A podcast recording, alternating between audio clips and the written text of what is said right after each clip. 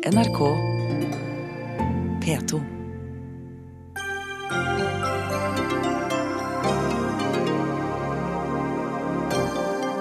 Dårlige lærere bør få sparken, og gode lærere bør belønnes. Det sier økonomiprofessor, som også er oppgitt over lærernes eget fagforbund.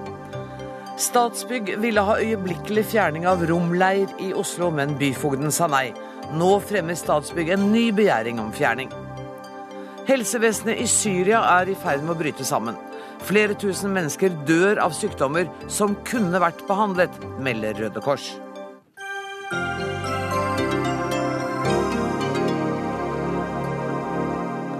Dette er sakene i Dagsnytt 18 denne fredagen, der vi også skal møte Siv Jensen, som innleder valgkamp i sol og politisk medvind i Kristiansand. Men først. Dårlige lærere bør få sparken, og gode lærere bør belønnes, fordi det er god samfunnsøkonomi. Det skriver du, økonomiprofessor Mari Rege, i Dagens Næringsliv i dag. Er det nødvendig å gå så brutalt til verks for å bedre norsk skole? Eh, ja, du, du eh, bruker sterkere formuleringer enn det jeg brukte sjøl. Altså, det jeg sier i den kronikken, er at det er gode lærere det er så viktig mm. at det er på tide at vi har en debatt om strukturelle endringer som skiller mellom gode og dårlige lærere. Og du viser til en undersøkelse som er gjort ved Harvard. Ja. Eh, det er en veldig spennende studie som jeg hadde gleden av å formidle i, i Dagens Næringsliv i dag. Mm. Eh, av dyktig en av, en av, eh, de dyktigste utdanningsøkonomene som vi har internasjonalt, Ray Chetty, som er professor ved Harvard University. Det han klarer å vise, da, er at eh, de eh, som hadde god lærer eh, i barneskolen, eh, når han følger de helt opp til de voksne, så klarer de å være mer produktive i arbeidslivet enn de, når han sammenligner med de som hadde middelmådige eller dårlige lærere. Eh, han viser at de tjener mer, eh, og at de har tatt eh, høyere utdannelse, og at de har gått på bedre universiteter. Han viser til og med at de er flinkere til å spare penger. Mm. Ja, så, så, så, denne her studien altså det, det, det, det, er jo en stor litteratur som viser at, at læreren er veldig viktig for, for barna sine skoleprestasjoner. Men denne studien har likevel fått veldig stor oppmerksomhet i USA. Eh, både i debatten og i det akademiske fagmiljøet, men ja, og enda eh, Obama har, har, sitert denne studien. Og det er nettopp fordi at det er den første studien som klarer å vise en årsakssammenheng mellom kvaliteten på læreren som du hadde i barneskolen og ungdomsskolen, og hvordan det går med deg som voksen. Mm. Du sa at jeg brukte litt andre formuleringer i deg, men, men, realiteten i det du skriver, er jo at det skal være mulig å kvitte seg med lærere som over tid dokumenterer at de er for dårlige. Ja, altså, eh, det, en, eh, Når en leser denne studien og, og, og den, sam, den, samlede faglitteraturen om, om, hvor viktig læreren er, så, så må en eh, hele tiden stille spørsmålet om, eh, om, om eh, faren for at, at, at læreryrket kan, kan, bli eh, At en sitter for trygt der, og mm. at kravene ikke er store nok. Så jeg spør jo spørsmålet om, om, om, om læreryrket i Norge er, er, er for trygt, og om, vi tar til takke med for mange eh, middelmådige lærere. Og den som skal få svare på det første gang, det er Steffen Handal, nestleder i Utdanningsforbundet. Er det sånn at Utdanningsforbundet er for opptatt av å beskytte alle lærere, og dermed ikke klarer å se at det er kvaliteten som er viktig? Jeg tror det er viktig å si at uh, Mari Ege og jeg er enige om én en ting, og det at uh, gode lærere det er det aller viktigste vi kan gi til barna. Uh, og så er det også sånn at jeg må understreke at Utdanningsforbundet ikke vil at de lærerne som ikke fungerer i klasserommet over tid, at de skal fortsette å være der. Det er ikke en menneskerett å være lærer, for å bruke et populært uttrykk. men samtidig så er det sånn at Mari Regum bygger på noen myter her. det første er at at avtaleverket i dag eh, stenger for å premiere gode lærere. Det er ikke tilfellet. Det fins ikke sånn, eh, et sånt hinder i avtaleverket i dag. Sånn at det er fullt mulig. Når det ikke gjøres, så er det jo fordi at arbeidsgivere ikke ønsker å bruke mer penger enn det som avtales gjennom de sentrale eh, forhandlingene. Mm. Det er den ene myten. Den andre er at, at Utdanningsforbundet på sett og vis eh, beskytter disse dårlige lærerne eh, mot å få fyken hvis de ikke duger over tid. Eh, det, det, kan jeg avkrefte med en gang. Eh, vi er ikke interessert i at dårlige lærere skal stå i klasserommet. Er du fornøyd med å høre det, Rege? At eh, dere er egentlig på viktige punkter helt enige? Eh, jeg, eh, det er jeg fornøyd med. Altså, når jeg, jeg ga jo eh, et lite spark til Utdanningsforbundet på slutten av, av denne kronikken. Eh, jeg, og det er fordi at jeg ofte sitter igjen med et lite hjertesukk når jeg ser konstruktive innspill komme med konkrete forslag for hvordan en kan i større grad premiere gode lærere. Men, eh, la, altså, meg, la, meg, eh, stoppe deg litt. For nei, du, du påstår også at uh, prestasjonslønn for lærere det vil fremme god kvalitet. Og Vi trenger ikke å gå lenger til BI og Bård Kuvås for å se at det faktisk er ja. avkreftet på det sterkeste. Det er faktisk ikke jordbærplukkere du snakker om her. Dette er lærere som utfører kompliserte arbeidsoppgaver, ja. som krever samhandling, kollegialitet og også felles refleksjon. Og vi vet det at hvis du går inn med prestasjonslønn, så vil du kunne ja, på sett og vis ødelegge den kulturen som er nødvendig nettopp for å skape godt læringsmiljø. Nå må Mari Rege få svare på det. Eh, altså, Jeg skriver jo ingenting om prestasjonslønn i denne kronikken. Det eneste jeg stiller spørsmål om, er om læreryrket hadde vært tjent med systemer som i større grad premierer de flinke lærerne en måte å gjøre det på er prestasjonslønn, men det finnes jo òg mange andre muligheter. Altså med type forfremmelser, men forfremmelser som ikke tar de gode lærerne bort fra klasse, eh, klasserommet og undervisningen. Ja, det er helt enig. Eh, la meg få fullføre. Eh, eh, så, så, så, denne her kronikken eh, er det, er, har jeg ikke skrevet noe om prestasjonslønn. Men det var veldig, eh, veldig herlig å, å, egentlig høre den responsen som Utdanningsforbundet kom med nå.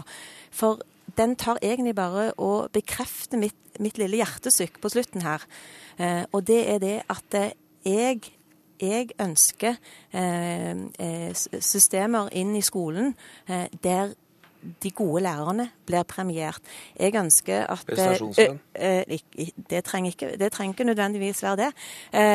og, og hvordan, hvordan, kan, du, kan, du, ikke forklare hvordan Utdanningsforbundet står i veien for det? Ja, det, nei, det, det, som jeg etterlyser, da, istedenfor å eh, ta Hvor, og Hvordan står vi i veien for det? Eh, Istedenfor å se problemer med konstruktive innspill, som òg er viktig, så, så, håper jeg på konstruktive eh, forslag fra Utdanningsforbundet for mm. hvordan skal de gode lærerne motiveres til å bli i læreryrket. En vet at vi mister mange lærere.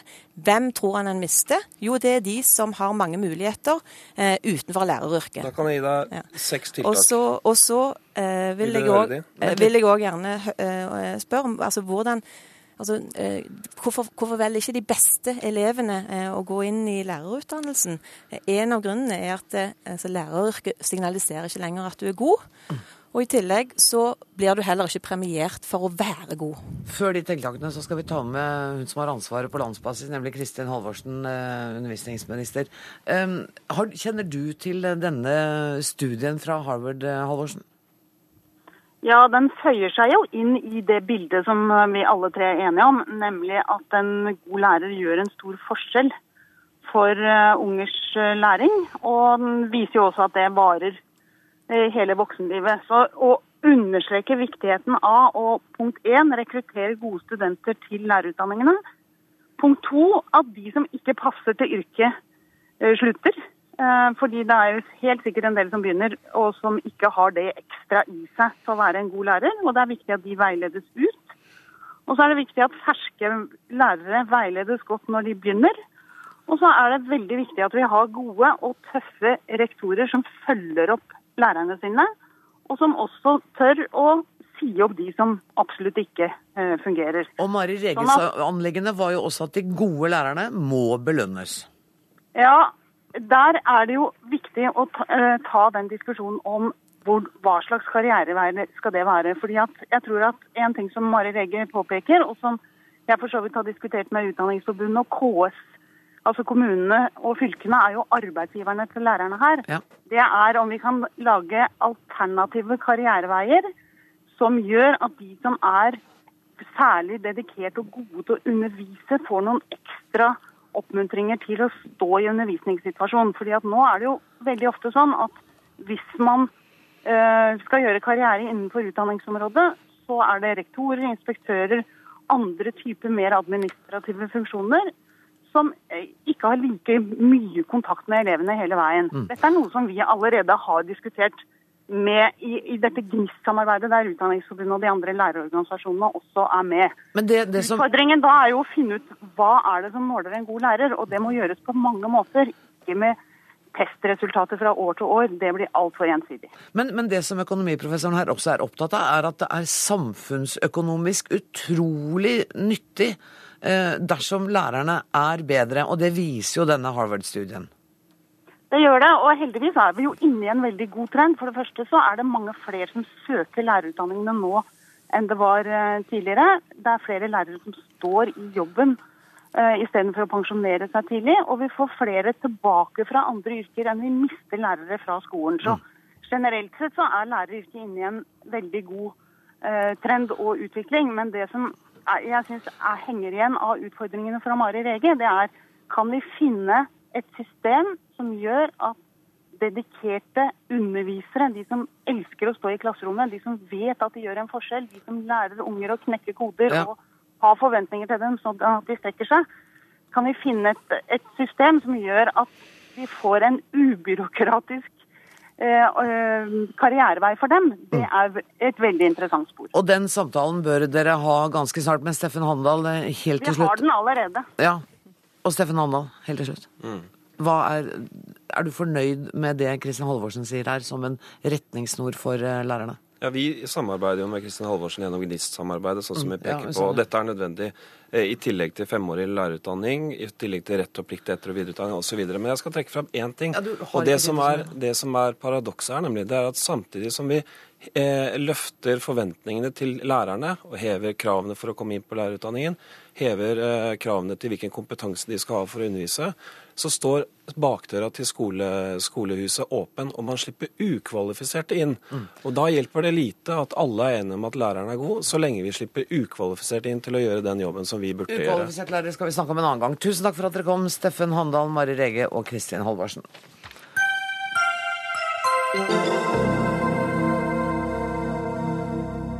Det syriske helsevesenet er i ferd med å bryte sammen. Mer enn halvparten av landets sykehus er skadd i krigshandlinger, og en tredel er totalt ødelagte. Urent vann og trange bokår forverrer situasjonen når flere tusen mennesker nå dør av sykdommer som kunne vært behandlet. Det er det dere som forteller oss, uh, utenlandssjef i Røde Kors, Leni Stenseth. Uh, er, er situasjonen så alvorlig? Situasjonen er veldig alvorlig, og den blir stadig verre. Veldig, veldig mange mennesker er berørt av konflikten. Eh, og ikke bare de som eh, er utsatt for eh, kamp, kamper og blir skadd i, i krigshandlinger, men også veldig mange som ikke lenger får den hjelpa de trenger for å behandle helt vanlige sykdommer, sånn som meslinger og influensa. Og så er det jo sånn at når eh, det er en krig, eh, så bryter samfunnet det sammen på mange måter. Og i dag så er det veldig få som får den hjelpa de trenger, eh, både i forhold til akutte skader og sykdommer, men også barn som, som trenger oppfølging Mennesker som har kreft, eh, de får ikke lenger behandling. Og så er det sånn at eh, sykehusene eh, har blitt angrepet av partene i konflikten. Det gjør at mennesker ikke tør å oppsøke helsevesenet. Vi har sett at frivillige som jobber i ambulanser og som gir helsehjelp, har blitt beskutt. Og det gjør at heller ikke ambulansene er trygge å oppholde seg i. Så ikke bare er det større behov dag for dag, men også er det farlig å oppsøke helseinstitusjonene fordi partene i konflikten ikke respekterer de regler som gjelder i en sånn situasjon. Statssekretær i Utenriksdepartementet Torgeir Larsen, dette er en konflikt du kjenner godt. Eh, kjenner du deg også igjen i den beskrivelsen som Leni Stenseth gir her? Ja, dessverre. Eh, det er en konflikt som eh, hele tiden blir verre og fortere verre enn vi har, har frykta. Mm alle prognoser fra FN på antall flyktninger, antall mennesker som trenger humanitær assistanse, har økt måned for måned og mye raskere enn det noen har forventa. I dag så er det altså hver tredje syrer har behov for, for humanitær hjelp for å, for å komme gjennom hverdagen. Og antallet flyktninger er nå oppe i 1,6 og mer enn det millioner i landet rundt, og nærmere 5 millioner fordrevne. Og det er ingen grunn, dessverre, til å kunne tro at det, det tallet vil reduseres, snarere tvert imot. Hva gjør vi da? Nei, Det er det som er det fortvilende. Altså, nå tenker jeg bare på det humanitære. Nå tenkte jeg ikke på liksom å gå inn og løse konflikten, men ja. Nei, altså det, det, vi gjør altså Vi har for vår del, fra norsk side, nå altså, tømt våre humanitære budsjetter helt. Det er veldig sjelden vi gjør midt i et år. Rett og slett for, fordi behovene er så enorme. Vi er oppe nå i 360 millioner kroner fra norsk side så langt i år. Det gjør at vi gir mye, men behovene er større enn det. Og det, det, beskriver egentlig situasjonen. Og det gjelder ikke bare oss. Altså Mange andre givere, land, har ikke tatt høyde for hvor raskt dette går. Og det gjør at behovene er større enn det vi klarer å, å gi. Og det er dessverre situasjonen. Ja, Hva gjør det med deg? Altså, du, vi, vi, kan snakke om det i Dagsnytt 18, og du kan sikkert snakke om det mange andre steder. Og så er det nei, nå er det ikke mer. Nå har vi ikke mer penger. Kan ikke gjøre det mer. Nei, altså, bare ha det sånn der nede? Nei, altså det er jo Det samles inn penger uh, i frivillige organisasjoner. Uh, fra vår side, altså regjeringens side, så, så, vil vi må diskutere om vi skal gå til Stortinget på et eller annet tidspunkt og be om, uh, be om, be om ytterligere, ytterligere, bevilgninger. det vil vi måtte vurdere. Mm. Og, og, samtidig så er det klart at det er andre, andre ting som også er viktige, som ikke handler om penger. Og det handler om det også Lene Senseth er inne på, nemlig Altså, De humanitære altså prinsippene, det diplomatiske arbeidet som vi har drevet med lenge, prøvd å gjøre vårt i forhold til å, eh, å få opp eh, terskelen for å faktisk eh, angripe de som, som hjelpere. Og der, der, er det aktivitet, og der, der, gjør vi vårt. Og det kan vi fortsette med, og skal fortsette med, selv om vi ikke har mer penger i øyeblikket. Ja, for det, det er jo ting som tyder på at de sykehusene som er rammet, og de ambulansene som er rammet, det er liksom ikke ved en tilfeldighet. Eh, det er tegn som tyder på at dette har vært mål? Altså, dette er en konflikt eh, som, eh, som, startet som et, et, opprør, eh, en borgerkrig, eh, hvor den sekteriske dimensjonen, altså mellom religioner, folkegrupper, har dratt til, eh, mellom klaner. Så det er, en, det er, et hat i sving i øyeblikket som gjør at, at hevnangrep eh, og respekt for symboler, eh, hjelpere, eh, forvitrer. Og det er jo en tragedie. Vi har sett det før i andre, andre sammenhenger. Mm. Nå skjer det i Syria. Lene Stenseth, er, er, du glad for å høre at de vurderer i hvert fall å gå til Stortinget og be om mer penger? Røde Kors er veldig bekymra for at det nå ikke er penger igjen til å trappe opp innsatsen i Syria. Eh, vi er til stede på bakken med 10 000 frivillige som er i aktivitet hver eneste dag. Vi kan gjøre mer. Røde Kors kan gjøre mer både inne i Syria og i nabolandene. Og det er fortvilende for oss å vite at vi har den kapasiteten og den muligheten til å nå fram, men det er ikke midler igjen. Så ja, det er veldig viktig eh, at Stortinget nå vurderer å bevilge mer penger. Ikke bare til Syria, men vi vet jo også at det er veldig mange andre humanitære kriser som nå ikke ikke blir tilgodesett med støtte pga. at eh, Syria trekker så mange midler. Og så er det jo sånn at eh, Vi som humanitære organisasjoner vi gjør det vi kan hver eneste dag for å møte de humanitære behovene. Men vi kan holde på og holde på. Hvis det ikke blir en politisk løsning på denne konflikten, så vil denne situasjonen bare vedvare. Og vi vet at tusenvis av mennesker kommer til å bli drept i sommer fordi det ikke er noe politisk spor som vil gi en løsning. Og det er vi også opptatt av å formidle, at norske myndigheter må gjøre det de kan for å sikre at det er fremgang på det politiske riktige sporet. Og den oppfordringen vet jeg at uh, Torgeir Larsen uh, fikk med seg veldig klart. Tusen takk for at du kom i studio, uh, Leni Stenseth fra Røde Kors. Du skal bli sittende, Torgeir Larsen.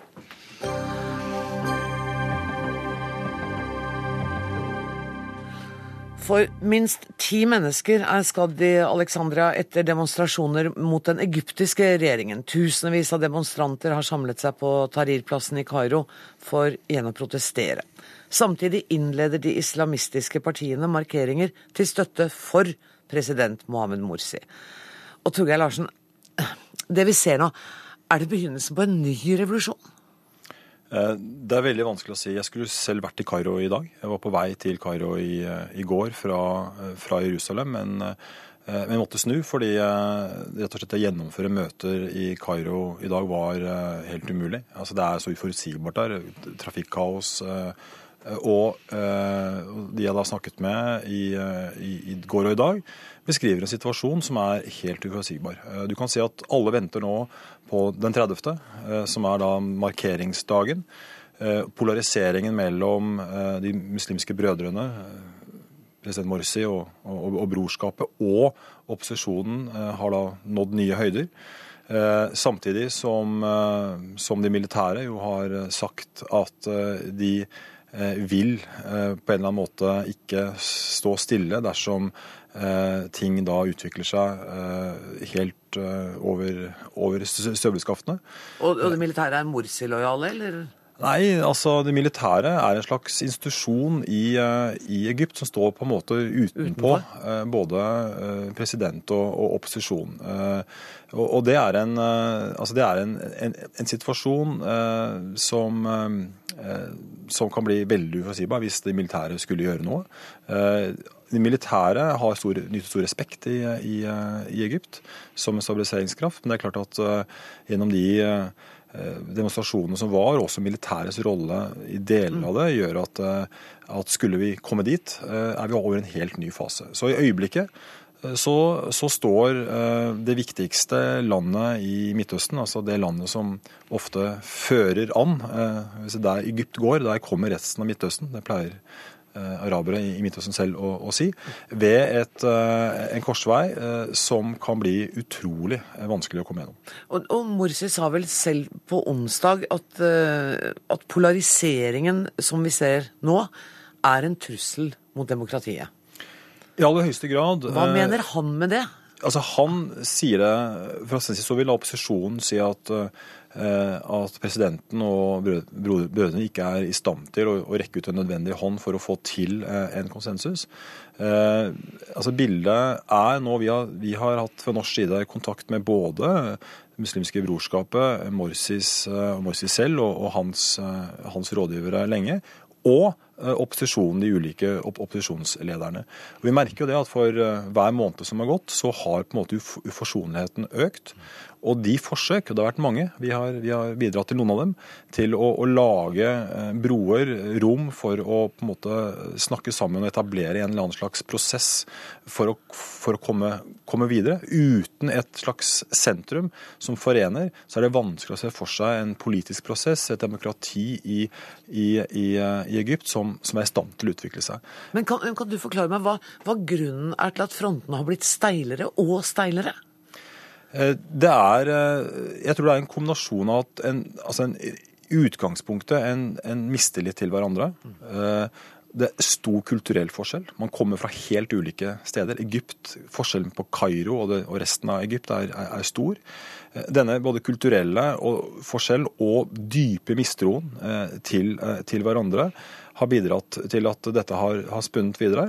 Eh, og, og, en slags uforsonlighet. Det er klart at For utenforstående, sånne som fra vår side, når vi, vi er inne i dette sammenhengen, så, så framstår det noen ganger som helt, helt uforsonlig. Uh, og, og, og, det er noe med at uh, når den uforsonligheten flytter ut i gatene, uh, kan det da få en ny egendynamikk som, som er uforutsigbar og, og, farlig. Så jeg tror La oss håpe at uh, Egypt klarer å komme forbi eh, denne, denne, datoen på en måte som gjør at det er mulig å plukke opp noen av bitene. Uh, fordi uten en form for konsensusprosess uh, så, så, vil det ikke være mulig. Frykter jeg, å få en, en, demokratisk prosess som er startet og ikke da fullført. Da vil det være en eller annen ny fase, og, og ingen vet hva, hva den vil preges av. Vi følger intenst med de nærmeste dagene. Tusen takk for at du kom i studio denne fredagen, statssekretær i UD Torgeir Larsen.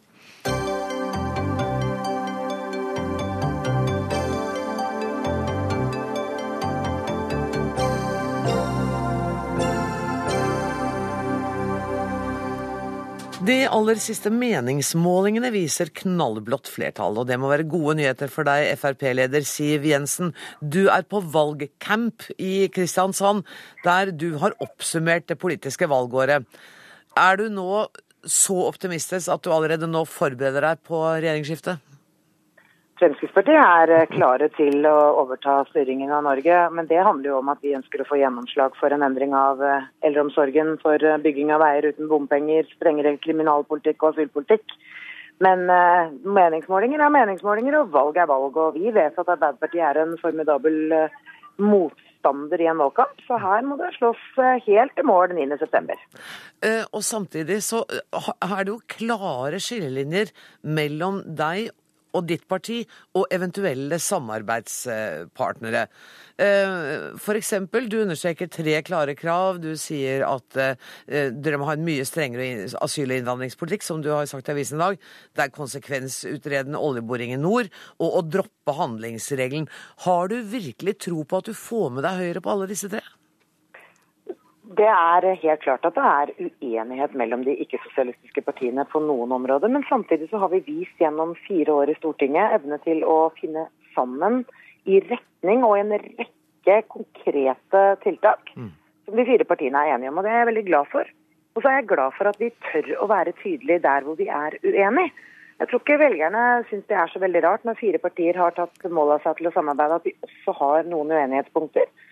Og Da handler det jo om at eh, hvis man ønsker et regjeringsskifte, så må man også peile seg inn på det partiet man er mest enig om. Og så er det jo sånn at Noen prøver jo nå å lage en sånn kunstig debatt om at det er handlingsregelen alene som er uh, forskjellen på en ansvarlig og en uansvarlig økonomisk politikk, og det er jo feil. Det det handler om er jo hvordan vi investerer pengene våre sånn at vi skaper mer verdier og ikke færre. Det handler om å få frem skaperkraften, det handler om å få redusert skattetrykket, det handler om å investere i vår egen fremtid. Det vil Fremskrittspartiet, men samtidig så vil vi også kutte i en lang rekke unødvendige utgifter i byråkrati og administrasjon. Som betyr at vi vil spare penger over tid. Men når du, sånn som jeg leste deg i avisen i dag, med disse, for disse tre kravene, så framstår de som kompromissløse. Er det noe forhandlingsrom fra FrPs side på disse punktene? Vi vet at eh, hvis det blir et ikke-sosialistisk flertall, så må partiene sette seg ned og forhandle. Det jeg er tydelig på, er hva som er Fremskrittspartiets utgangspunkt. Så vet vi at vi må gi noe for å få noe. Og det er summen av et fremforhandlet resultat som avgjør hvordan dette blir. Men ingen skal være ett sekund i tvil om hva som kommer til å være viktig for oss. Det er altså sånn at um, Vi er opptatt av at det skal føres en ansvarlig økonomisk politikk i Norge. Det handler om å få ned skattetrykket, få ned byråkratiet få bort eh, særnorske konkurransevridende rammebetingelser som gjør at vårt næringsliv får en ekstra kostnad på toppen av de utgiftene de allerede har i et dyrt land. Det mener jeg er fornuftige grep å ta. Samtidig som vi er nødt til å bruke de store pengene på å få mer velferd, og ikke som Stoltenberg har gjort, bruke de store pengene på mer byråkrati. Og her regner du med at Fremskrittspartiets så tydelige politikk vil etter hvert vinne gjenhør hos eventuelle regjeringspartnere? Ja, Det gjenstår jo å se. Men eh, jeg mener jo at altså, min jobb på vegne av Fremskrittspartiet er å få frem Fremskrittspartiets løsninger. Og Vi ser jo nå at det har vært en debatt de siste dagene f.eks. om eh, eldreomsorgen. Mm. Jens Stoltenberg lovet 12 000 nye sykehjemsplasser for fire år siden. Han har bare klart 10% Grunnen til at han ikke får det til, er fordi han har overlatt alle virkemidlene til kommunene, og da kan han heller ikke love. Erna Solberg ble utfordret på det samme, sa at hun ville ikke tallfeste noen ting, og det skjønner jeg godt. Rett og slett fordi hun heller ikke vil eh, sette i verk nasjonale tiltak for å få på plass en verdig eldreomsorg over det ganske land. Vil du tallfeste? Nei, altså Det Fremskrittspartiet sier er at den eneste muligheten vi rikspolitikere har for å kunne tallfeste, det er når vi har skaffet oss noen nasjonale virkemidler. Det er derfor vi sier lovfestet rett til omsorg, statlig finansiering av sykehjemsplasser og en bemanningsnorm. Bare da får vi kontroll med utviklingen i eldreomsorgen. Da kan vi få på plass eh, ventelister. Det er jo ingen kommuner i dag som får lov til å føre ventelister, så vi vet jo faktisk ikke hvor mange som trenger plass. Eh, derfor må vi skaffe oss noen virkemidler, sånn at det ikke bare blir tomme løfter. Det har vi hatt nok av i altfor mange valgkamper. Siv Jensen, tusen takk for at du tok deg tid til å være med i Dagsnytt 18 i dag. Jeg vet at du har et travelt program og skal noe sted klokka halv sju, og ha en fortsatt god valgcamp i Kristiansand. Tusen takk. Politisk kommentator i Dagens Næringsliv, Kjetil B. Alstadheim. Du har nettopp kommet tilbake fra denne valgcampen. Var det god stemning og optimisme? Det var veldig god stemning der, og det var jo rett på den mest eh, Hva skal vi si eh, minst polerte eh, Frp-retorikken. Denne valgkampen ligger jo rett ved siden av Dyreparken, så her hentet de frem sine mest naturlige instinkter og lot alle nyanser ligge. Det er jo sånn det nærmer seg valgkamp, og alle partier spisser retorikken, og det er ingen som spisser den mer enn Fremskrittspartiet. Og som har lengre erfaring i å gjøre nettopp det. Nettopp. Er det mulig for Frp Jeg prøvde jo å få litt svar om disse kravene. Er det mulig å få f.eks. disse tre kravene gjennom? Ikke, ikke rett igjennom, Nei. men det sier hun jo òg. Dette er vårt utgangspunkt, sier hun. Mm. Så, så det er jo en sånn kombinasjon. De er veldig spisse og tydelige på hva de vil, primært. Men samtidig så er hun også tydelig på at de vil forhandle. Eh, Og jeg, jeg tror de eh, kanskje har lært litt av SVs erfaringer fra 2005-valgkampen. Da, da var det jo SV som var i Fremskrittspartiets posisjon. Da, da var det Høyre som kjørte mot de rød-grønne og sa at med SV blir det uansvarlig økonomisk politikk og, og arbeidsplasser settes i fare osv. Og, og SV kom på defensiven og begynte å, på måte, å prute på egen politikk gjennom valgkampen for å fremstå ansvarlige. Og det tapte de på. De falt gjennom valgkampen. Det vil ikke Fremskrittspartiet gjøre. De vil kjøre tut og kjør, og Per Sandberg eh, får full musikk helt fram til valgdagen. Og så, når valget er over og eventuelt de borgerlige har vunnet, så kommer Ketil Solvik-Olsen-linja inn og Siv Jensen og er pragmatisk og vil forhandle. Og setter seg eh, i forhandlingssetet. og er Det blir vanskelig, det er ikke noe tvil om. Og det sier jo også Siv Jensen. Eh, Skribent i tidsskriftet Minerva, Jan Arild Snoen. Siv Jensen blir jo av mange pekt på som den neste finansministeren. Og vi har jo snakket om den, alt den skremselspropagandaen som man hørte fra mange kanter den gangen det var aktuelt å ha Kristin Halvorsen som finansminister. Um, Hvor mye av FrPs økonomiske politikk kan vi vente oss med en finansminister fra Frp? Ja, nå sier hun jo, i hvert fall blir hun sånn tolket i Dagsavisen i dag, at det er FrPs politikk, økonomiske politikk som skal ligge til grunn hvis hun blir finansminister. Sånn blir det ikke. Eh, fordi det er så sentralt i den økonomiske politikken, den handlingsregelen, som riktignok er, det er en viss fleksibilitet innenfor den, men det er ikke aktuelt i en ny regjering å si at den legger vi til side. Handlingsregelen blir ikke borte den dagen Den blir ikke borte, og de kommer til å oppfylle den i en viss grad. Så skal vi ikke glemme at da Per Christian Foss var eh, finansminister, så brøt han rett som det var. Eh, Så det er ikke, noe, det er ikke skrevet i stein, dette her. Men det er eh, regjeringens politikk som vil være den økonomiske politikken, og der vil Fremskrittspartiet bare ha et visst gjennomslag, ikke noe fullt gjennomslag. Men det er riktig, som også Alstheim er inne på, hun, hun er jo mer medgjørlig her nå. Men dette vil variere eh, fra intervju til intervju, fra uke til uke, og hvem som uttaler seg for Fremskrittspartiet. For de må balansere dette, appellere til egne velgere og markere egen politikk, samtidig som de ikke skal gå så langt at de ødelegger det borgerlige samarbeidet. Men, men syns du at de på det punktet, når du sier det vil variere fra uke til uke og fra intervju til intervju, skiller de seg der fra andre partier i valgkampen, da? Dette er, eh, her, her setter du opp litt eh, Du, du setter opp et agn for, eh, for Venstre og KrF, som av og til biter på det. Mens Høyre og Erna Solberg biter ikke på det. De er hele tiden konsekvent på at de prøver å holde den konflikten og de ulikhetene nede. Mens Venstre og KrF hisser seg opp. Ja, det kan de jo gjøre, og det er jo naturlig også. Når de her, Siv Jensen i Dagsavisen sier at det blir, det blir konsekvensutredning i Lofoten og Vesterålen, og sånn blir det, eh, så er jo det en provokasjon. Men det er også en klar signal om hva som er viktig for dem, og som de kjemper for innad i regjeringen. Eh, Og Kjetil Alsheim, eh, når det gjelder f.eks. eldreomsorg, så er det jo en sånn konkurranse mellom partiene om å være de som er best på det. Og hittil er det vel Fremskrittspartiet som har kommet med de beste tiltakene og løftene. Det kommer jo an på hva man mener om den, den modellen de har med at staten skal overta hele styringen av eldreomsorgen, og det, det er de jo alene om. Eh, Så Men de er i hvert fall de som vil bruke mest penger, som vil eh, investere mest, og som vil at de gamle skal ha det best. Det kommer du til å ha mange debatter om i dette studioet framover, helt fram til valgdagen. Det er jeg helt sikker på.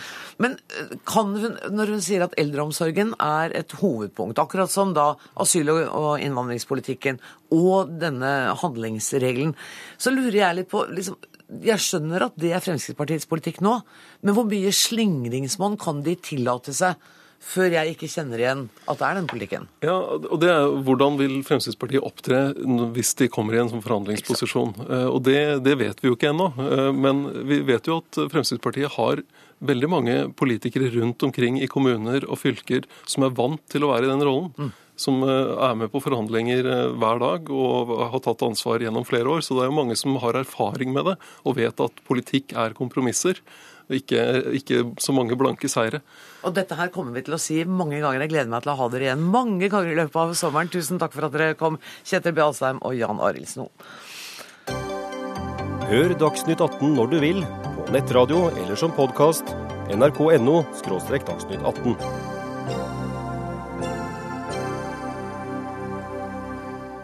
Romfolket som hadde satt opp en teltleir ved Sognsvann i Oslo, får lov til å bli der. De har, i hvert fall inntil videre, for det har Oslo byfogdembete bestemt.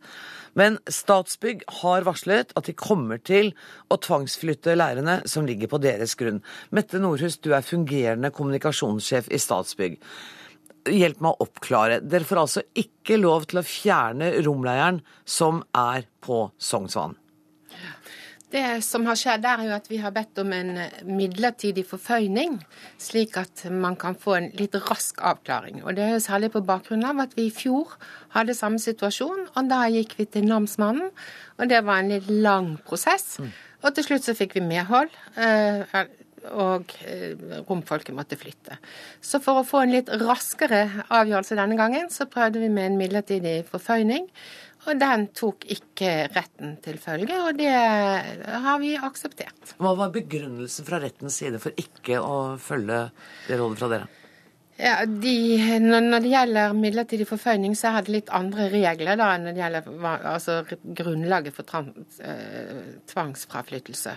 Slik at eh, de har vurdert det at det var Man vurderer da eh, hvem det er verst for, på en måte. Og de har da vurdert det slik at det er verre for romfolket å flytte enn for Statsbygg og staten da, at de er der inntil man har fått en avgjør, endelig avgjørelse. Og hvor lang saksbehandlingstid vil det være fra dere nå fremmer en begjæring om en varig ordning? Det kan vi jo ikke vite, men vi har jo erfaring fra at i fjor tok tre og en halv måned. I dag leste jeg deg i Aftenposten at Bymiljøetaten har fjernet én leir også ved Sognsvann. Kjenner du til det? Ja, jeg har også hørt det i dag. Eh, Vi har ikke brukt de Vi har velger da å følge ordinære rettsprosesser. Men dere kunne ha gjort det samme som eh, Det har vi ikke vurdert. Dere har overhodet ikke vurdert Nei. det. Eh, Hvor stort er problemet når det nå kanskje tar tre måneder å få et vedtak? Mm. Hvordan vurderer dere problemet med at det er leire der? Det er uheldig. Altså, det er jo slik at dette området skal være et friluftsområde for eh, alle i, i Oslo og de som måtte være besøkende. Og det er forsøpling der. Det er fare for brann der. Det er jo noe av det, det som er. Og bydelsoverlegen har også i fjor, eh, etter at eh, vi hadde hatt leiren der, eh, advart mot at eh, også Sognsvann eh, badeplass kan bli forurenset. Og det er jo ikke hyggelig, da. Men slik som det ser ut nå, så kan man altså være forberedt på at hele denne sommeren går, og leiren vil være, være der. Det kan man i verste fall. Tusen takk for at du kom eh, i studio, Mette Nordhus fra Statsbygg. Da skal jeg snakke med mm, byrådsleder for Oslo Høyre, Stian Berger Røsland. Bymiljøetaten fjernet altså i dag én romleir ved Sognsvann. Statsbygg har ikke vurdert å gjøre det samme. Burde de ha gjort det? Ja, eh, jeg mener jo at eh, de burde det. Jeg er ikke kjent med alle omstendighetene rundt eh, det Bymiljøetaten har, har iverksatt i, i dag. Men jeg syns jo også Statsbygg, i lys av den kjennelsen som kom, burde vurdere å anke den. Fordi retten bygger jo på to forhold som jeg mener er, eh, grunn til å, å, å drøfte på nytt. Det ene er om dette eh, med disse leirene der faktisk ikke utgjør eh, en særlig en, en eh, skade eller eh, ulempe. Det mener jeg det åpenbart eh, gjør. Eh, og det andre er hvorvidt området rundt Sognsvann er et fjerntliggende eh, eh, område. Og det er det jo ikke. Dette er et av de mest brukte eh, friluftsområdene i Norge. Eh, Og Derfor så er det gode grunner til at det er regler for eh, camping og hvordan det skal finne sted. i et det. Det rådet du kom med nå til Statsbygg, det hørte ikke Mette Norhus. for hun har gått, fordi hun som representant for Statsbygg så mente hun at det ikke var riktig å gå inn i en politisk diskusjon. Men jeg er sikker på at Statsbygg får med seg hva du sier. Hvordan ser du på som byrådsleder at det altså kan ta, ifølge Statsbyggs erfaringer, tre måneder før leiren eventuelt blir fjernet? Nei, Det er jo en av grunnene til at jeg mener denne, denne saken bør ankes. Jeg synes også Statsbygg bør uh, forsøke å se om de har andre muligheter enn å gå, gå denne veien. Uh, Sognsvann er et av Norges mest brukte uh, og friluftsområder. Det å se for seg at uh, deler av dette skal forsøples, at det skal være uttrykk knyttet til ild og, og sanitærforhold, det er ikke akseptabelt. Og det er en god grunn til at man i disse områdene har en såkalt todøgnsregel for at eh, man må gjerne eh, komme og campe, og, mange av oss har jo, har jo gjort det. Men, men, det kan ikke være permanent, og det kan ikke vare i måneds- og ukevis, sånn som det nå ligger an til. Olivia Korsås Salles, du er Oslos, Oslo SVs tredjekandidat til Stortinget. Hva synes du?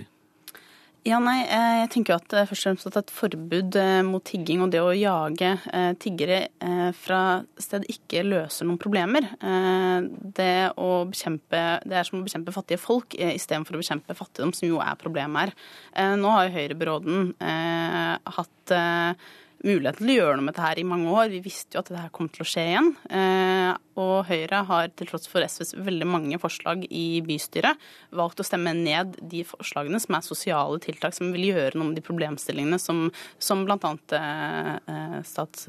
som de viser til som er problemene her.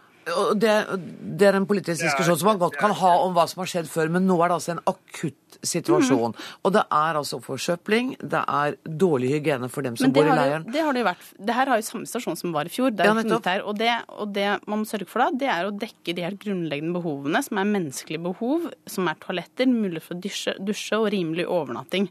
Mener du eh, at det, det skal ligge ved Sognsvann da, eller? Nei, Hvor man legger det til, hvordan man vil gjøre det, må man jo se på. Men det er jo klart at så lenge disse menneskene eh, har, har, mulighet til å komme til Norge og har lov til å være her, eh, og ikke har noe sted å bo, ikke har noe sted å gå på toalettet, så er det dette her som er resultatet. Og da er det høyrebyråden sitt ansvar å sørge for at man gjør noe med det. Men her har de ikke vist noen vilje til å komme med noen konkrete løsninger. Men nå finnes det verken dusjer eller toaletter akkurat nå. Eh, bør da de leirene som er ved Sognsvann, og som altså er til sjenanse for alle dem som bruker disse friluftsområdene. Bør de fortsette å være der? Altså, det Vi mener er at vi må få de sosiale tiltakene på plass med en gang. Det er ingen grunn til, uh, til at det skal ta noe lang tid å få satt opp, uh, set, satt opp dette tilbudet her. sånn. Det handler bare om vilje, og den viljen har jo ikke Vi har jo visst her lenge at det her kommer til å skje. Så det er spørsmålet hvorfor har ikke høyrebyråden i Oslo valgt å, å se problemet istedenfor å ignorere det, og da uh, reagere med, med forbud og, og, løsninger som jo ikke er reelle løsninger, men symbolpolitikk fra høyre side. Stine Børge Røsland. Ja, for det første så er det jo sånn at uh, Den gruppen vi snakker om her, hadde jo vært stoppet på grensen hvis SV hadde fått uh, sin politikk gjennomført. For da hadde EØS-avtalen og Schengen-avtalen vært uh, sagt opp. Så, så, Det er jo én side av det. Det andre er at når vi har EØS-avtalen og Schengen-avtalen, som jeg i motsetning til SV er for, så er det en forutsetning for at det skal fungere, at de som velger å bruke bevegelsesfriheten man får, ivaretar livsoppholdet sitt dit man kommer. Og man kan ikke forvente at eh, Norge eller Oslo skal sette opp overnattingssteder eh, og sørge for livsopphold eh, når man velger å komme hit som arbeidssøker. Det er ikke en mulighet, og derfor så må det være et ansvar som påhviler hver enkelt. Men det, men... Den som har oppstått nå, den må håndteres. Og Statsbygg har prøvd. Det er jo en etat som sorterer også under SV og regjeringen. Og jeg håper at de nå bidrar til, eh, til at vi får løst denne situasjonen. Men er det en løsning, eh, Røsland? Fordi at disse menneskene som har bodd i denne teltleiren, eller disse teltleirene, det er vel snakk om tre, hvis denne blir fjernet, så vil de jo bare flytte til et annet sted i Oslo? Det er sånn at Hvis man velger å oppsøke Oslo og Norge som EØS-borger, så må man sørge for sitt eget livsopphold. Det er en rett man har til å dra til andre land og andre byer i EØS-området. Eh, men da har man også en forpliktelse til å sørge for sitt eget livsopphold. Og dette systemet kan ikke fungere hvis det er sånn at eh, man kan oppsøke et annet land og, si, og en annen by og si at nå er det denne byen og deres ansvar å sørge for vårt livsopphold mens vi er her. Det er ikke det systemet EØS-avtalen bygger på. Det kan ikke bygge på et sånt system. Olivia Korsås Alles. Ja, nei, eh, altså Utgangspunktet her er jo hvordan vi møter mennesker. Eh, og jeg mener at Vi har et ansvar for å møte romfolk med nøyaktig samme respekt som andre mennesker, og se til at hvert, eh, hvert av dem som enkeltindivider, og ikke generalisere. Og Da må vi ha trygghet og stolthet som nasjon for å møte Europas mest undertrykte folk med noe annet enn moralpolitikk og hatpolitikk. For det her, altså, det her gir jo ingen løsninger. Det, her, det, det at du jager dem fra sted til sted, det at de jages fra sted til sted, gjør jo ingenting med problemet. og det er det som er, det som er slår meg når, når, dere snakker at dere kommer ikke med noe forslag. Altså, Hva har dere lyst til å gjøre annet enn å komme med forbud som jo i realiteten bare er symbolpolitikk, siden dette er mennesker som kan være her i landet? Røsland. Ja, men altså, SVs politikk er jo å stoppe denne befolkningsgruppen på grensen og ikke slippe dem inn i SVs det SVs politikk det er å bekjempe er fattigdom og komme med sosiale jo- tiltak som er jo- sørger for det at vi ivaretar det. dere ønsker å si opp EØS-avtalen, sånn at de hadde ikke fått komme hit. Jeg mener at det er et gode at man kan ha fri bevegelse i Europa. Men da er det nødvendig at vi også er tydelige på at man må sørge for livsoppholdet sitt mens man, eh, mens man er her, og at det er en forpliktelse som følger den retten man har til å, å bevege seg. En rett Vil du utvise dem, Røsland? Mm? Vil du utvise dem, eller eh, utdeportere dem? Nei, det, hvis- jeg mener ikke at man skal, man skal gjøre det, men jeg mener at man skal møte denne gruppen som andre EØS-borgere med de samme forventningene som, som vi gjør, nemlig at eh, alle er velkommen til eh, Oslo, alle er velkommen til å eh, søke arbeid, til å eh, oppholde De får jo ikke søke arbeid. Selvfølgelig får de søke arbeid, men det som er et utfordring er at mange av dem sliter med å komme inn på arbeidsmarkedet. Vi har et veldig spesialisert arbeidsmarked i, i Norge. Men man kan likevel ikke komme rundt at for at uh, ordningen med fri flyt i Europa skal fungere, så må man eh, ha en forpliktelse til å ivareta sitt eget Det- når man er ute. Det har du nå fått sagt tre ganger, det tror jeg vi har skjønt. eh, er Sal- Ja, Altså, ja, det er jeg enig med deg. Altså, nå, nå prøver han her å få det fremstillet som at eh, SV har lyst til å stenge eh, grensene for disse menneskene her. Ja, SV er mot EØS-avtalen. og Det handler om mye mer eh, enn fattige mennesker på flukt. Fattige mennesker på flukt de må møtes på samme måte som andre mennesker. De må møtes med tiltak, og de må, eh, må gjerne også få mulighet til å få jobb i Norge. Eh, og vi må sørge for å legge til rette for at det er en mulighet. Og det er vanskelig i dag.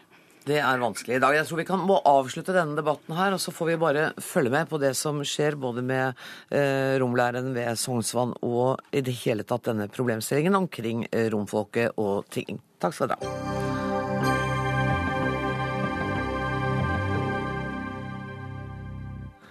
Norge har bevilget til sammen 2,3 milliarder kroner til Romania, og noe av formålet har vært å demme opp for tigging og kriminalitet her hjemme.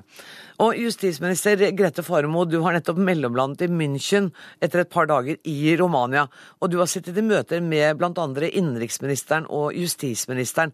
Hva kom ut av disse møtene?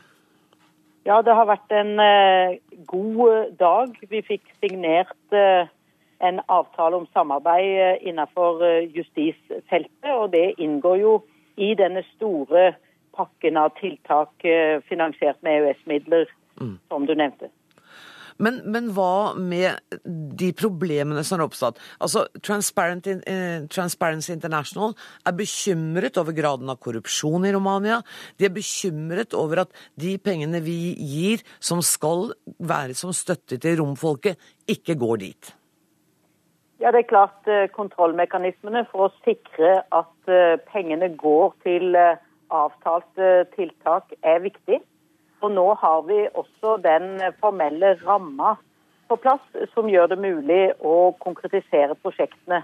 Og det vi har signert på i dag, det er støtte til utvikling av rettsvesenet, til eh, å forbedre forhold i fengslene, og det er også å bekjempe organisert kriminalitet. Og vi har også et program eh, for eh, vold eh, i nære relasjoner, hjelpe til innsats mot det. Men er ingen av disse midlene øremerket støtte f.eks. til utdanning, levekår, bedre levekår for romfolket? Jo, det er det. Og til justissektoren er det avsatt 25 millioner euro. Av dette totalprogrammet på over 300 millioner euro, så er det satt av eh, midler til eh, en rekke andre sektorer. Og det er øremerka ca. 20 millioner eh, til også romfolk. Det, det, gir et inntrykk at det ikke har stått øverst på prioriteringslisten din. Dette var ikke av de tingene du nevnte som viktige saker. Er det sånn at dere har vært nødt til å gi penger til andre ting som Romania heller vil ha, enn til det som har vært Norges hensikt, nemlig å støtte romfolket i Romania? Nei, og det trenger ikke være noe motsetning mot de tiltakene jeg nevnte, og også tiltak som eh, kommer de aller mest utsatte til gode. For eh, med å hjelpe til et rettssystem og faktisk også bedre rettigheter for alle borgere av Romania, uansett hvor de kommer fra, så er dette også noe eh, som vektlegges eh, av eh, f.eks. organisasjoner som representerer romfolket. Vi har også møtt faktisk seks av de frivillige organisasjonene som jobber på dette området med rom, og hvor det ble poengtert veldig sterkt. Kan Norge øremerke eh, den type støtte som vi gir nå, til helt spesielle tiltak? Eller må vi gjøre det som landets regjering mener er fornuftig? Målsettinga er helt klar. Og så er det jo eh, sårbare grupper eh, ulike steder. Fattigdommen er stor. Så vi må sikre at vi får til gode tiltak som bidrar til utvikling. Men jeg spurte om vi kunne øremerke. Kan vi si at denne klumpen millioner skal gå til det og det? Ja, og så må vi sikre at disse tiltakene kommer også romfolk til gode. Og det er viktig rett og slett nå i prosessen videre å sikre tiltak eh, og måter å etterprøve dette som gjør det mulig. Ja, Hvordan har dere tenkt å etterprøve dette? Fordi korrupsjonsproblemet er enormt i Romania. Ja, og det er derfor eh, som sagt kontrolltiltakene med bruken av eh, pengene er så viktig. Hvordan gjør dere det? F.eks. eh, i støtta som nå går til de frivillige organisasjonene, så er det organisert på en nær sagt særskilt og på en måte som gir innsyn i bruken av pengene, slik at vi kan sikre oss at disse brukes til eh, de formål som er satt. Og Dette må gjøres konkret for hvert eh, prosjekt som nå skal gjennomføres. Og det gjelder de eh, private organisasjonene. Men hva med midler som gis til Romania som stat? Ja, det var det jeg sier. Det må også sikres. Og det er jo Utenriksdepartementet som forestår det praktiske ved dette. Men dette er jo forhold som norske myndigheter har erfaring fra gjennom mange tiår. Da sier jeg takk til deg for at du ville være med oss på din mellomlanding i München. Tusen takk, justisminister Grete Farmo.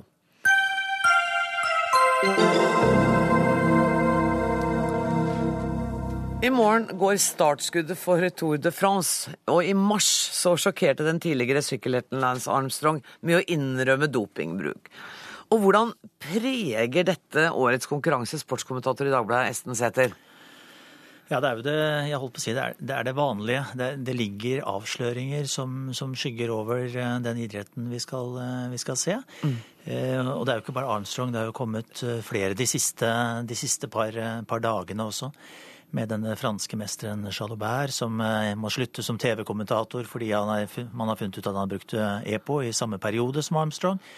Og Jan Ulrich, en sterk tysker, som, som innrømmer etter flere år at jo da, han, han dopet seg jo han også. Og Lance Armstrong som sier at det ville ikke vært mulig å vinne toren uten doping da jeg holdt på. Nei, eh, og det har han vel eh, sannsynligvis eh, rett i. De er jo blitt tatt alle, alle rundt han, og, og ville vel blitt tatt alle foran han også hvis, hvis doping hadde vært forbudt hele veien. Men det kom jo ja, det kom vel sånn rundt starten på 80 80-årene at det ble forbudt.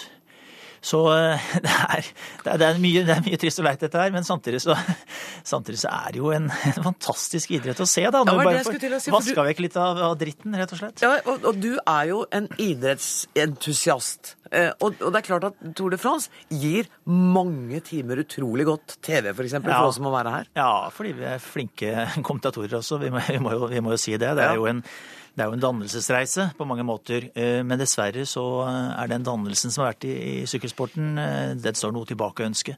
Ekspertkommentator i TV 2 Johan Kaggestad, du er med oss på telefon fra Korsika. Jeg vet ikke om du fikk med deg at eh, du representerer da del av denne dannelsesreisen fordi vi har gode kommentatorer. Hvor stort fokus er det på dopingkontroller nå rundt eh, årets Tour de France? Altså, eh, Sykkelsporten har jo skikkelig tatt tak når det gjelder antidopingarbeid. og Jeg følger jo bra med i de fleste idretter. Kommer selv fra, fra friidrett. Jeg må jo si at eh, det er ingen av de store idrettene i verden i dag som har et bedre antidopingsystem, tar flere prøver, uh, bruker denne blodpassprosessen uh, i ytterste konsekvens. Det er mange andre idretter som fotball og friidrett som burde lære av, eh, av sykkel når det gjelder antidopingarbeid. Det er klart det snakkes doping, for det er jo disse gamle likene som har falt ut av skapet.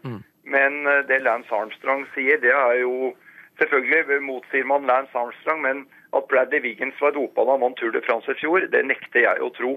Og vi kommer til å få en ren vinner i årets Tour de France. Det er jeg helt overbevist om. Tror du hele konkurransen er ren, sånn at når jeg legger beina i sofaen, setter meg ned, så kan jeg vite at dette her er ordentlig idrett?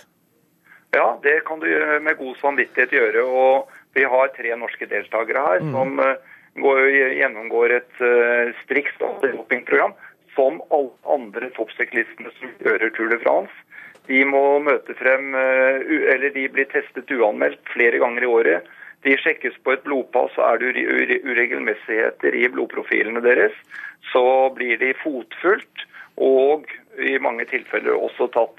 Det kan godt hende at det er en eller annen tulling som, som prøver å jukse seg til seire, men vi har sett i sykkelsporten nå de siste tre-fire årene, i hvert fall de to siste årene, at det går mye saktere i fjellene. altså Det går normal fart. Mm. Folk blir normalt slitne, og det er mulighet for nordmenn å hevde seg også når det går oppover. Ja, gjett om. Esten Osæder, er du enig i eh, denne vurderingen fra Kaggestad? At det er, det er tatt kraftige tak, og det er bedre enn det har vært på lenge? Jeg er enig i det siste. Det er, det er bedre enn det har vært på lenge. Samtidig så gjenstår jo et internasjonalt styre, altså en sykkelpresident som eh, i løpet av vinteren eh, avskjediget sin egen kommisjon som skulle finne ut uh, å få en renere sport. Så ble den avskjediget av sykkelpresidenten selv. Så det, det, er jo noen problemer igjen. Og det er ingen tvil om at uh, man kommer ikke videre ved å fortelle hele tiden at uh, det er verre i andre idretter. Syklingen må konsentrere seg om seg selv. Og det store problemet i syklingen er at den fortsatt har ledere, trenere og doktorer som har vært med på jukset tidligere. Mm. Det er et, et, særtrekk og som gjør at de er, er i trøbbel fortsatt. Og Kaggestad, du har vel også etterlyst mer handlekraft fra UCI-presidenten Pat McQuaid, har du ikke det? Jo da, jeg har intervjuet han og etterlyst det. Og jeg tror Pat McQuaid kommer til å falle for eget grep ved at man mangler handlekraft. Så kommer han til å forsvinne på kongressen i september. Og også fordi han har vært for tett knyttet sammen med Hein Bryggen, som ledet Det internasjonale sykkelforbundet mm. da dopingen sto på det verste, som var med på å ødelegge omdømmet til sykkelsporten. Så jeg tror det er bra for sykkelsporten at Pat McQuaid nå forsvinner til høsten, og det kommer nye koster inn som prøver å heve omdømmet i internasjonal sykkelsport. For det er mange som vil det, for det er som Esten sier, det er en fantastisk flott sport. Og den er dramatisk, og den vil jo også bringe utrolige bilder fra Frankrike disse tre ukene. Ja, Jeg kan nesten ikke vente. Fra i morgen sitter jeg klar i, i uh, sofaen. Uh, fortell meg hvordan den første Bare si hva den første etappen er, uh, Kagestad. Jo, den starter i Porto Vecchio, og så går den til rett nord til Bastia. Og den er forholdsvis flat. Det kan bli mye vind. Den går langs sjøen. Du kommer til å få se noen nydelige bilder fra havet. Og så blir det en kamp mellom de store spurtkanonene, sannsynligvis, med briten Mark Cavendish, tyskeren André Greipel og med Peter Sagan, med en nordmann som stor utfordrer, nemlig Alexander Kristoff. Men det blir noen utrolige bilder, og jeg lurer på om ikke også Napoleon har tenkt å møte frem.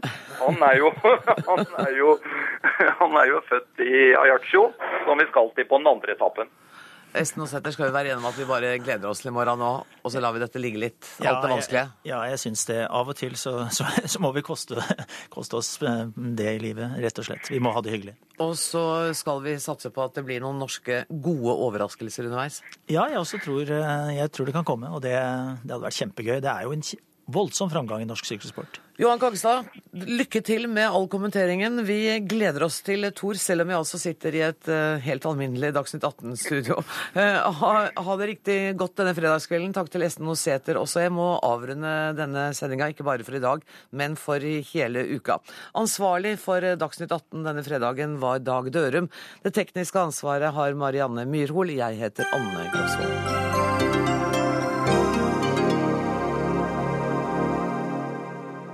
Hør flere podkaster på nrk.no podkast.